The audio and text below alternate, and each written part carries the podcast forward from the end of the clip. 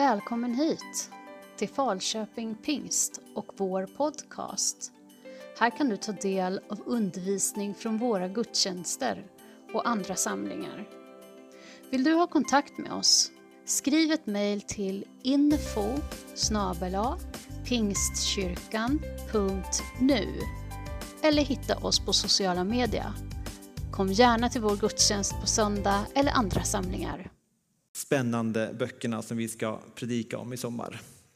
Och idag är det då såklart kapitel 1 i första Petrusbrevet. Men jag ska också vara så fräck att jag också går till slutet av första Petrusbrevet för att göra ett sorts bokslut av den här boken. Så dra ihop lite tankar. Nu, nu fick barnen äntligen gå. Nu, när pappa får börja predika, då fick de gå.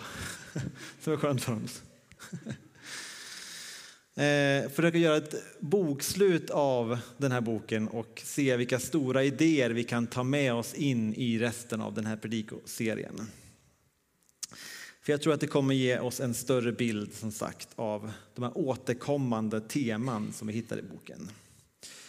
Så det jag skulle vilja göra för att vi ska komma in i den här texten bättre tillsammans, som kan hjälpa oss med det, det är att vi ska göra som man gjorde när man faktiskt läste den här texten i sin urkontext, stå upp tillsammans och läsa den här texten. Och jag tror att det kommer hjälpa oss att förstå bättre vad, hur det här var. Jag ska förklara varför.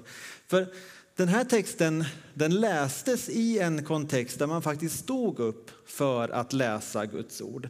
Petrus brev anländer ifrån Rom till den här kyrkan. Alla har samlats i kyrkan för att höra vad det här brevet innehåller som aposteln Petrus har skickat till församlingen. Tänk att vi befinner oss i en liten församling långt utanför där allt det stora händer i Rom och Jerusalem. Och nu får vi bli inkluderade i den stora församlingen nu när vi har fått det här brevet från Petrus. Och då står det så här. Från, Petrus, som är apostel åt Jesus Kristus, till de utvalda som bor utspridda i Pontius, Galatien, Kappadokien, Asien och Bytinien. Enligt Gud, vår faders plan, är ni helgade i anden och bestämda till lydnad inför Jesus Kristus och rening genom hans blod nåd och frid åt er i rikaste mått. Och så hoppar vi vidare till slutet i sista kapitlet. Jag har skrivit detta brev till er med hjälp av Silvanus, en troende bror som jag litar fullständigt på. Jag ville med dessa korta rader uppmuntra er och påminna er om Guds godhet och kärlek så att ni alltid håller fast vid er tro på honom. Församlingen här i Babylon, som precis som, ni har tack, som precis som ni har tackat ja till Guds inbjudan att få tillhöra honom, hälsar till er. Markus, min unga medhjälpare, hälsar också till er.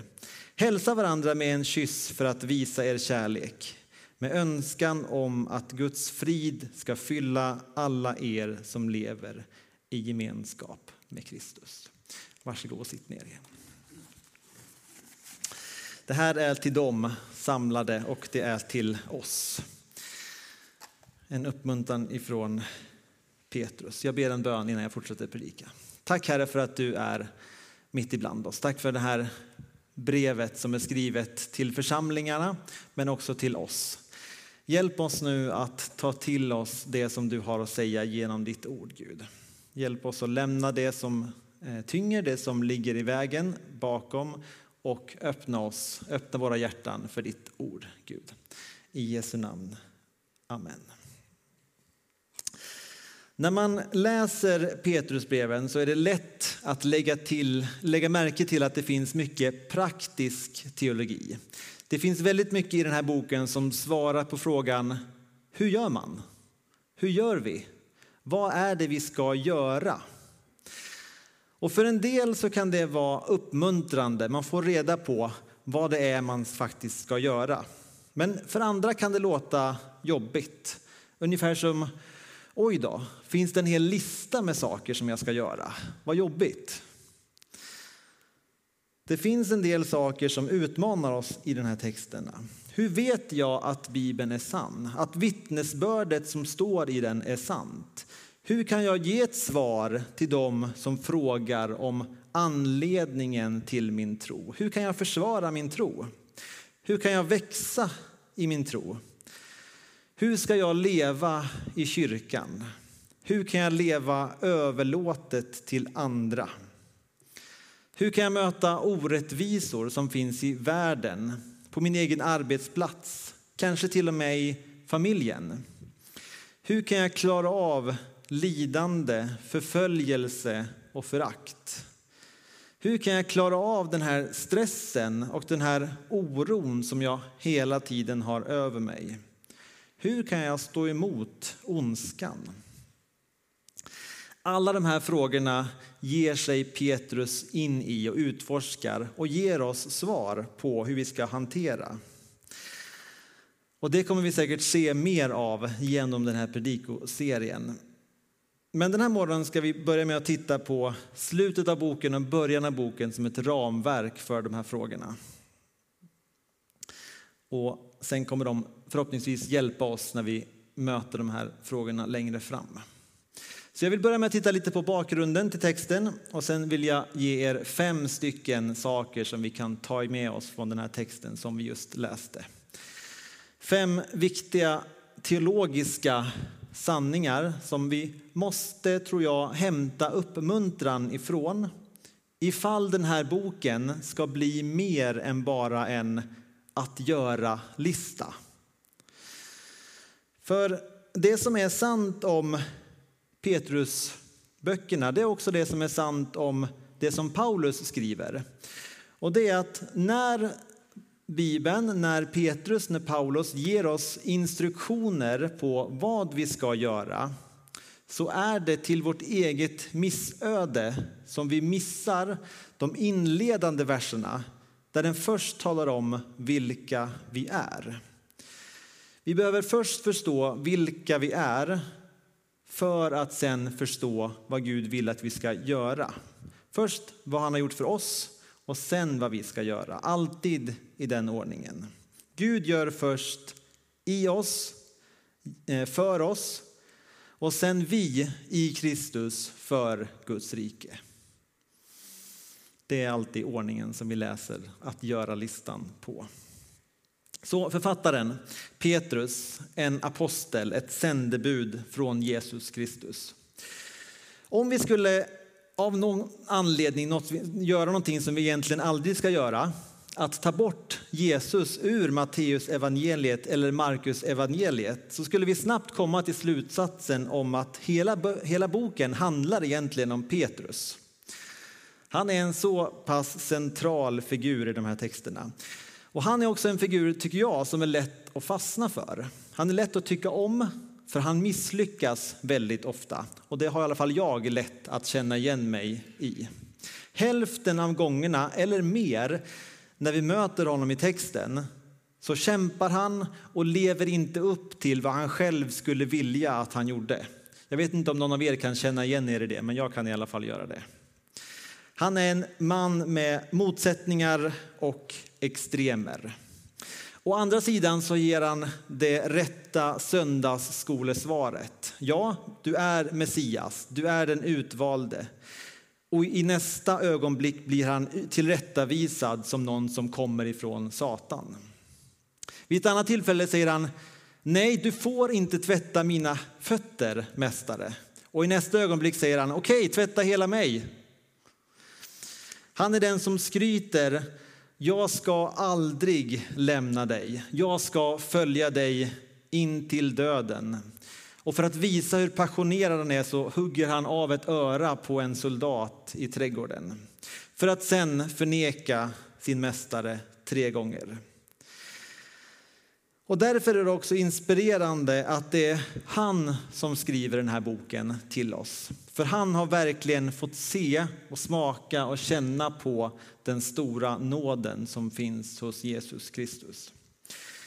Men vi kan inte bara se honom som ett enda stort misslyckande. Om vi spolar fram till slutet av Johannes evangeliet kapitel 21 Det här är när Jesus har uppstått från döden och möter Petrus och frågar honom tre gånger Älskar du mig? Som ett anförande. Och Petrus svarar tre gånger ja, ja, ja. Nästan lite irriterad över att frågan kommer om och om igen. Och kanske ställer Petrus eh, frågan just därför att Petrus har, eh, ställer Jesus frågan tre gånger därför att Petrus förnekade honom tre gånger. Men här ger han, eh, Eh, ger han Petrus sitt uppdrag. Ta hand om min flock, ta hand om mina lamm, mata mina får. Och det här är samma Petrus som sen i sin bok också skriver om herdeskap i sin bok. I ett annat ställe, viktigt ställe eh, i Lukas 22 och 31 32.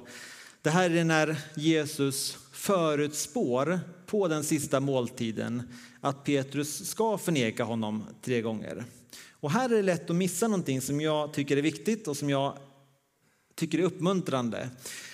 Och det är att när Jesus förutspår att Petrus ska förneka honom, att misslyckas, så förutspår han också att han också ska vända om i samma andetag.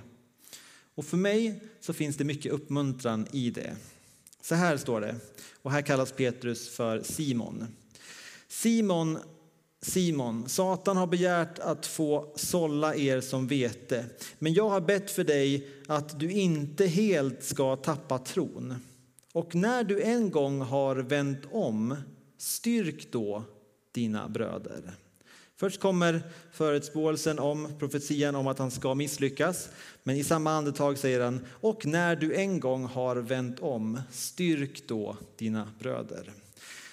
När du vänder om, varför vänder du om? Därför att jag har bett för dig. Allt som Jesus gör, gör han med ett syfte. Och även bortom sin egen död, sin uppståndelse och himmelsfärd, så visste han vilken roll Petrus skulle ha när det kom till att uppmuntra sina bröder. Att ge mat åt flocken. Och sen har vi det här brevet skrivet av Petrus som sen ska finnas tillgängligt i 2000 år nu för, som har uppmuntrat församlingar runt om i hela världen. Guds församling. En stark påminnelse om den stora nåden som vi har. Och I sitt brev så skriver han ifrån Rom för att skriva till en församling som är långt borta, som inte är, som vi sa, mitt ibland där allt det stora händer. Han skriver om den från församlingen i Rom som vi läste om, som är Babylon, kodord för Rom. Babylon som i Gamla testamentet var den där onda, hemska staden där Israel var i exil och nu är församlingen det i Rom. Och Petrus genom sitt brev eh, inkluderar den här församlingen i utkanten även i detta. Och målet är att uppmuntra församlingen, de utvalda, att stå fasta i nåden i en värld som blir mer och mer fientlig mot dem som följer Jesus. Så vad kan vi då i Falköping lära oss om detta? Jag ska som sagt skicka med fem tankar som jag tror vi kan ta med oss, som vi kan se, ha med oss på vår resa genom den här boken. Men innan jag går in på dem så skulle jag vilja ta upp någonting som jag tror, för en del i alla fall, kan störa läsandet av den här texten en del. Och det är den här tanken om de utvalda, de som är förutbestämda. Det här finns med i inledningen och genom hela boken. Att, vi, att han skriver till dem som är utvalda, de som är förutbestämda. Vers 2. Enligt Gud, Guds, vår faders plan, är ni helgade i anden och bestämda eller utvalda till lydnad inför Jesus Kristus och rening genom hans nåd. Och det kanske får någon att fundera, störa sig lite. Vadå utvald? Och om du stör dig på det så skulle jag vilja passa på att störa lite, distrahera dig lite med lite popkultur helt enkelt.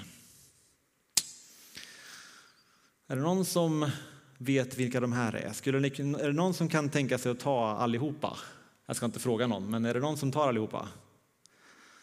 Jag tror att ungdomarna där bak gör det. Vi har pratat om dem i alla fall. Jag tror att de fixar det. Kända figurer ifrån eh, fiktiva berättelser. Vad har de alla gemensamt då, de här figurerna? Det här är alltså eh, Luke Skywalker från Star Wars, Po från eh, Kung Fu Panda, Raya från Raya och den sista draken, Frodo från Sagan om ringen, Katniss Everdeen från Hunger Games och Harry Potter från eh, Harry Potter. Vad har de här gemensamt? Alla de här är beskrivna som den utvalde. De här beskrivs som the chosen one, de utvalda. Och min poäng är, är inte att de är Messiasfigurer, att de påminner om det. I så fall så är de sämre kopior av den riktiga Messias som fångar längtan som finns efter det som Jesus gjorde i vår kultur. Men min poäng är så här, om man studerar de här berättelserna så upptäcker man en gemensam sak som handlar om de här som är utvalda. Och det är att vid en, en punkt i berättelsen, vid ett tillfälle i berättelsen, så hänger hela ödet, hela framtiden för universum, för mänskligheten, för den animerade byn, för Midgård på att den utvalde förstår att de är utvalda. Det är lite märkligt egentligen. Att något så enkelt som, aha, jag antar att jag är den utvalde.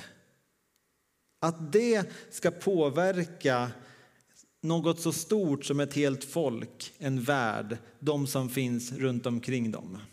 Men så är det i berättelsen. Jag tror att vi kan ta med oss någonting från det. Till mina fem påståenden nu då. Mina fem lärdomar som jag vill skicka med i början med tanke, och alla de här, ni kommer märka att alla de här börjar med att vi är utvalda. Och det här med att vi är utvalda, att vi är förutbestämda, det är någonting som jag har funderat väldigt mycket på, lagt mycket tid på när det kommer till den fria viljan och Guds förutbestämmelse. Hur kan man få ihop det? Jag har undersökt det och undersökt det igen, kanske mer än vad som är eh, hälsosamt, möjligen. Kanske. Men oavsett var man kommer ifrån i den tanken, vilken teologisk hållning man har i den, så kan alla vara överens om en sak i alla fall, tror jag. Och det är att när Petrus pratar om att vi är utvalda, vi som tror på Jesus, så gör han det alltid med poängen att det ska vara till uppmuntran. Och därför så tror jag att vi behöver ta till oss det på det sättet. Även om det kan vara svårt för vissa, ett ord som kan kännas lite obekvämt, så tror jag att vi får komma ihåg att det tanken är när vi läser att, det ska, att vi är utvalda, att det är till uppmuntran. Och ibland kan det vara så med Guds ord. Vi vet att det ska vara uppmuntran rent förståndsmässigt, men det kan ta tid innan hjärtat hänger på och accepterar det. Och därför behöver vi också låta ordet tala till oss tills det blir så som Gud har tänkt på djupet. Så, de fem stora lärdomarna från början, av slutet, början och slutet av texten. Och det första är det vi redan talat om, nummer ett. Vi är utvalda. Vi är utvalda av Gud genom den helige Ande för att avskiljas eller helgas i världen. Som ett utvalt folk, en helig stad som, som ska vara helig så som han är helig. Och Det här gör också att vi automatiskt också är i exil, i flyktingar i fångenskap. Och en som funderat mycket kring det här, det är det här kring med exil, är den australiensiske pastorn och författaren som heter Stephen McAlpin. Och han har verkligen skrivit läsvärda saker om det. Jag kan verkligen uppmuntra att läsa honom. Han säger så här att kristna i västvärlden har varit sedan länge i en fångenskap i ett land som inte är deras hem, deras riktiga hem, deras riktiga bonad. Det inte där man riktigt ska vara. Vi får en annan identitet när vi tar emot Jesus och tillhör ett annat rike. Och därför är vi i exil i den kulturen vi befinner oss i. Och den fångenskapen, skriver han, har förändrats mot vad den var förut. Men många har inte än insett att den har förändrats. Han skriver att vi har länge trott att vi lever i fångenskap i en modern version av Aten, alltså staden Aten. Och han menar här när han skriver Aten att man tänker på Areopagen där Paulus kommer till och argumenterar med de lärda grekerna, de grekiska filosoferna, de som älskar då höra nya idéer, nya tankar. Ah, vad intressant, berätta mer. De ville alltid höra ny information, ville lyssna på det som kom. Så eftersom kristna ofta tänker att vi befinner oss i fångenskap i den staden så tror vi att om vi bara kan få folk att lyssna, om vi bara kan få intellektuell respekt hos världen, då kommer de att lyssna. Eller om vi har en tillräckligt intressant predikan eller en välskött kyrka, då kommer folk att vilja lyssna. Men McAlpins varning är att den tiden har redan passerat. Om den inte redan för länge sedan gjort det. Vi lever inte i en neutral kultur. Vår exil, vår landsförvisning, vår fångenskap är istället i Babylon och den som Petrus skriver om här. Vad är då skillnaden mellan Aten, att vara i fångenskap i Aten och vara i fångenskap, och vara i, fångenskap i Babylon? Han skriver så här. Olikt, olikt Aten så försöker Babylon inte att överlista oss. Den försöker inte överlista oss med, bra, med smarta tankar. Babylon försöker istället att överväldiga oss med kraft. Han fortsätter så här.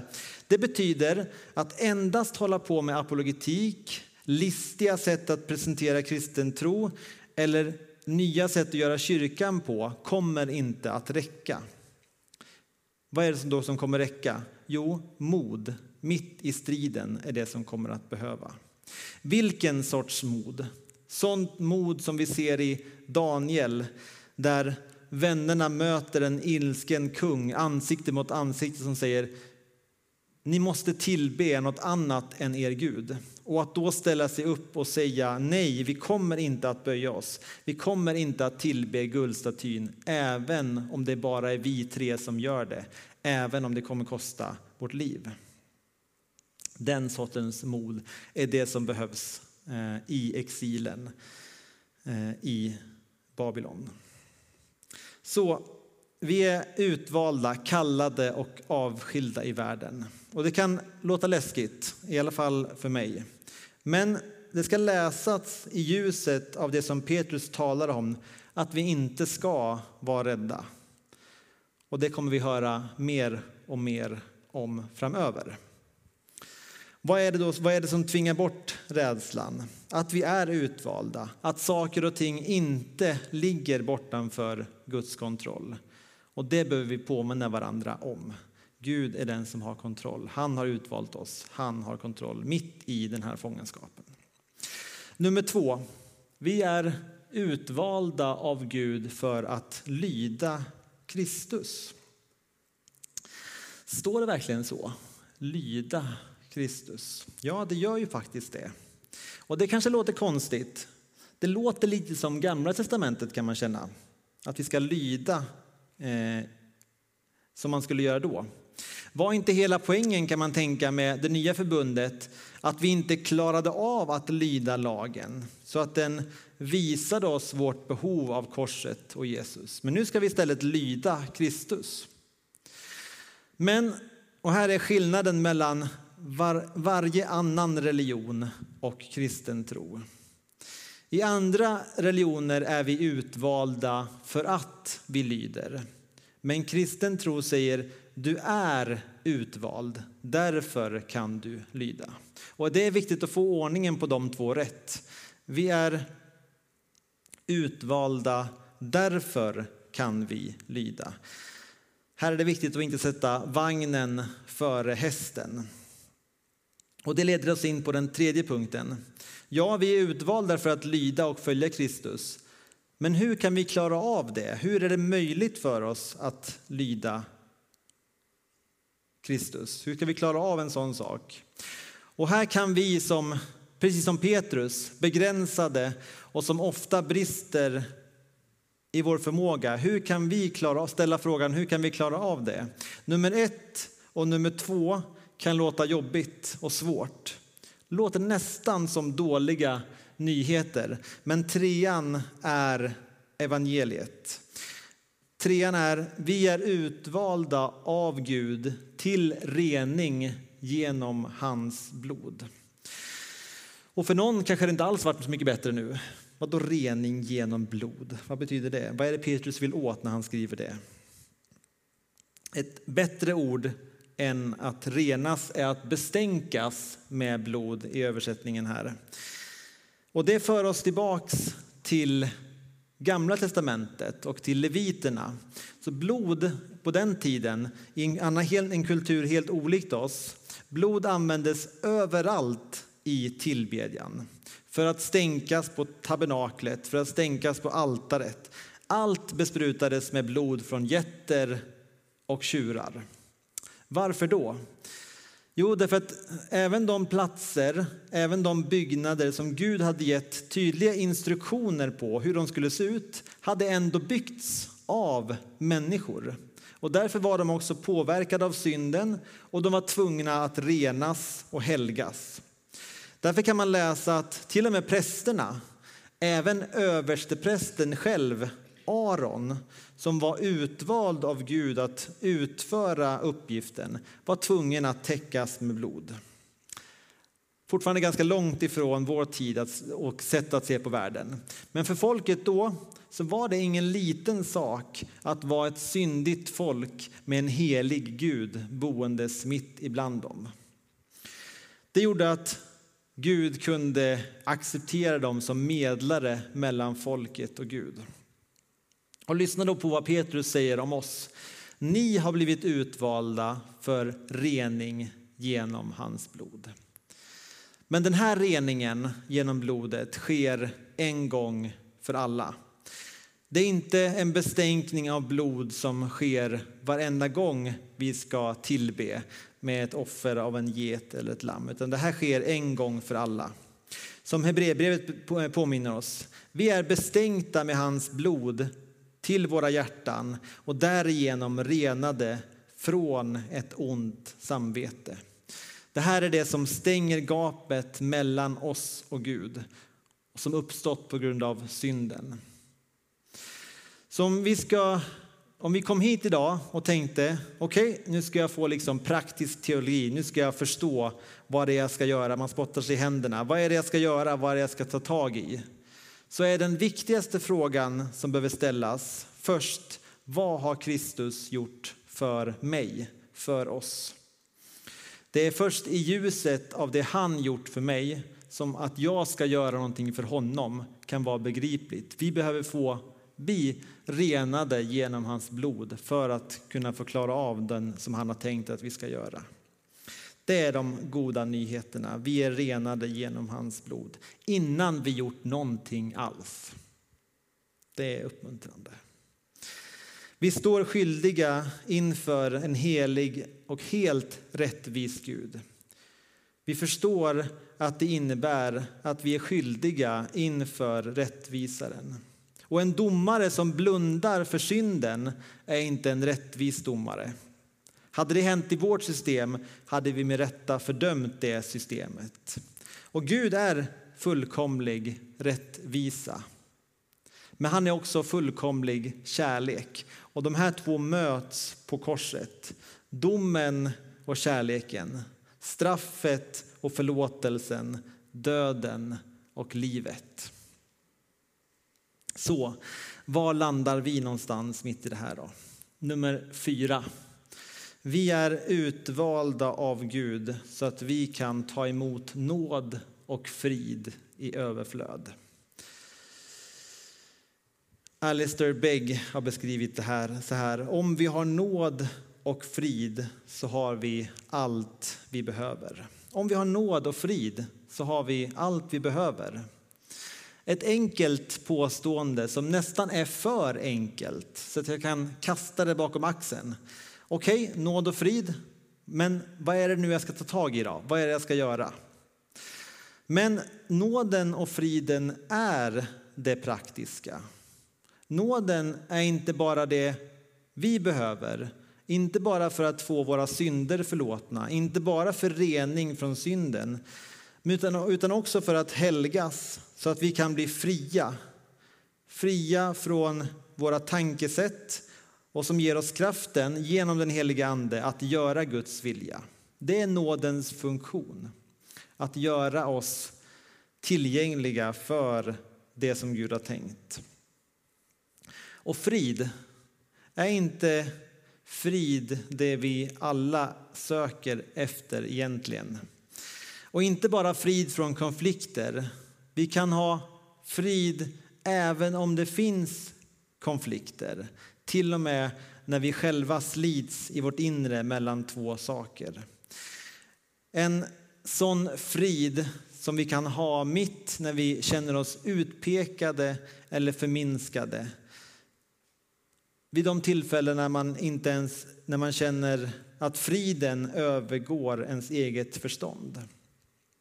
Och den här nåden som Petrus talar om i början och som han slutar med och som han pratar om i kapitel 4 kan lätt jämföras med ett vattenglas som det hälls nåd ner i som vatten och sen får flöda över till dem som finns runt omkring oss.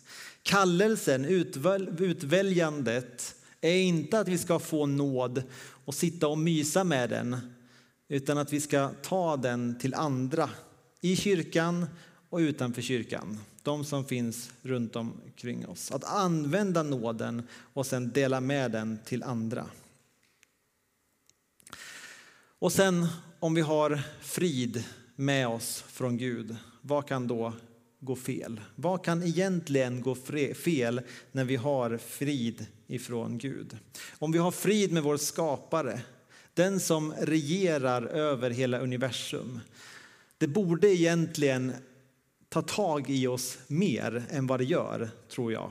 Att vara på fredliga termer med en helig och rättvis Gud som ser alla mina brister, alla mina misslyckanden, de gånger jag inte lever upp till det som jag själv skulle vilja leva upp till. Mina tankar. Han och jag, vi har det gott ställt. Det är stort. Frid och nåd i överflöd. Och sen slutligen nummer fem. Vi är utvalda av Gud så att vi kan vara del av en familj som är större än någon nation. Större än Babylon, större än Rom, större än geografi, större nationalitet, etnisk tillhörighet, kultur och bakgrund. Vad kan orsaka människor med så stora olikheter i allt det här som jag nämnde, att komma samman i kärlek inför en enda sak och fira någonting som man har gemensamt. Vi ser det här i närheten, och det är bara Jesus som kan göra det. Eh, och det här ser man tydligt i närheten och i värmen i den brev som skrivs till församlingen.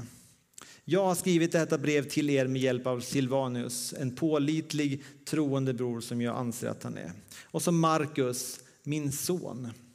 Hälsa varandra med en helig kyss.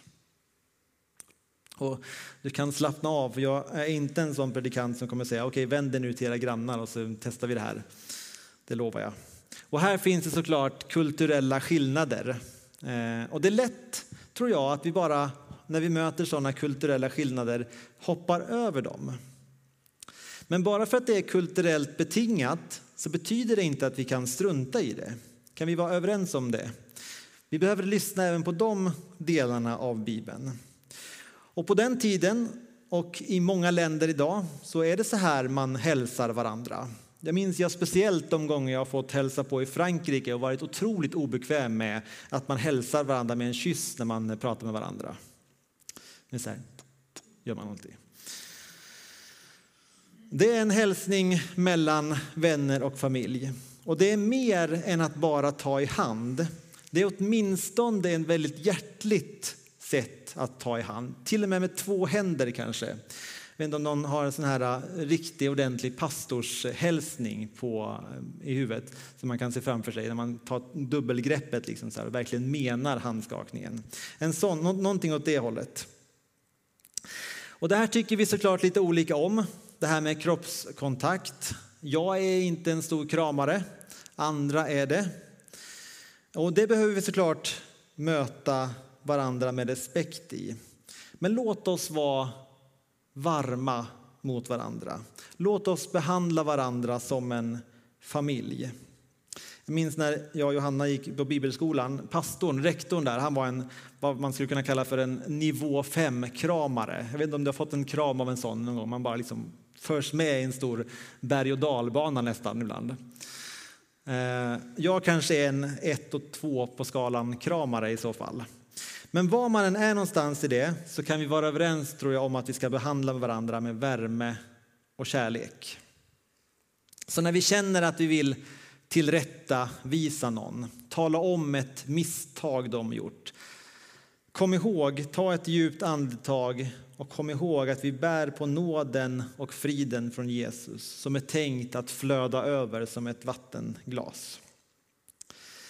Och inte bara i församlingen utan även utanför, de runt omkring oss, på arbetsplatsen där vi befinner oss. Kom ihåg att vi bär på den här nåden och sanningen. Jag ska avsluta predikan med två enkla frågor som jag vill skicka med. Det här är faktiskt inte en gör mer predikan, utan egentligen en uppmuntrande predikan, eller tänkt att vara i alla fall. Så första frågan som kan vara värt att ställa sig. Står du fast i den sanna nåden från Kristus? Står du fast i den? Det är värt att tänka på. När vi kommer ut ur kyrkan, in till vår vecka, när vi vaknar på morgonen, vad är det, först, det första vi tänker på? Vad är det som vi framför allt bär med oss?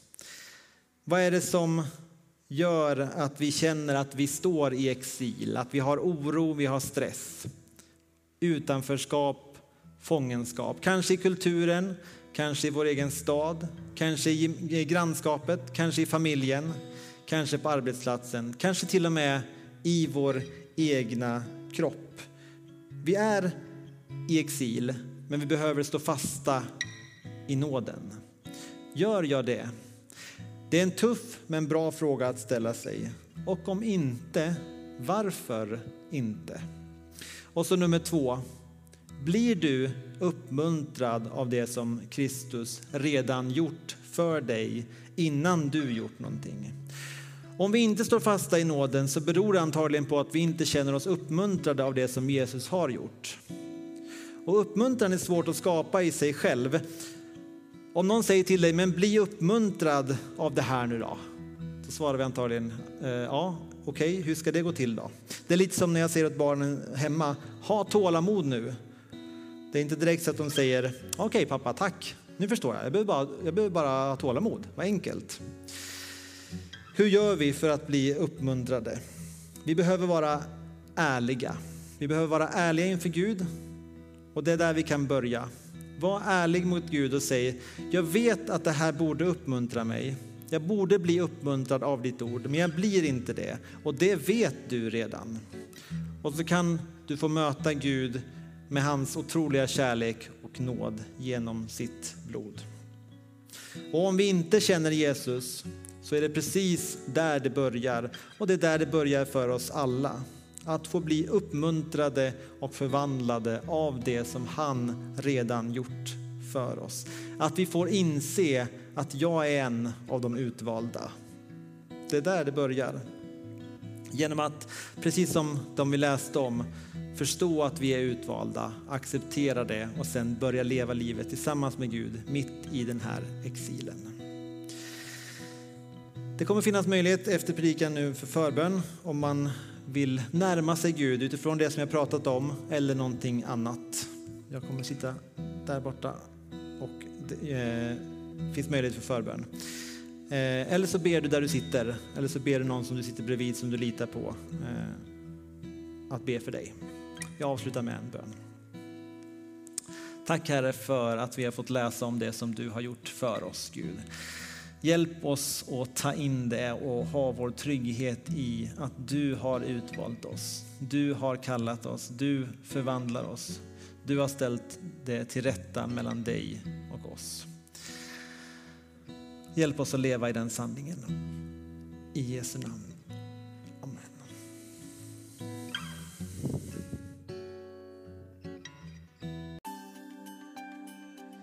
Du har lyssnat till undervisning från Falköping Pingst. Gud välsigne dig.